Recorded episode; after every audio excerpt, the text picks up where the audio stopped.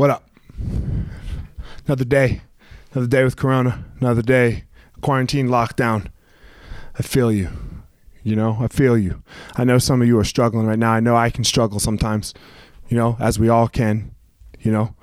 Uh, man, let me tell you, there's one thing that I know that you, me, everyone, everyone in this world right now that's taking a breath, if you took a breath just any time in the last minute, there's one thing that you are amazing at. And I want to tell you tell you what it is so that you all can know it. It's making it through really shitty days. Yeah, you heard me. Making it through really shitty days. You're amazing at it. You've never failed. It's the only thing in your life you've never failed at. It's the only thing in your life you've never failed at. Making it through shitty days.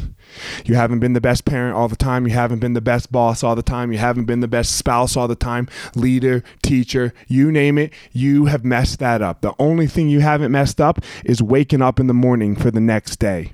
It's the only thing we haven't messed up. So realize that. Realize that. And the next time that you think this is too much, realize how amazing you are at dealing with some bullshit at dealing with shit that you don't want to deal with, at dealing at something that you don't even think you should have to, you don't deserve to have to deal with.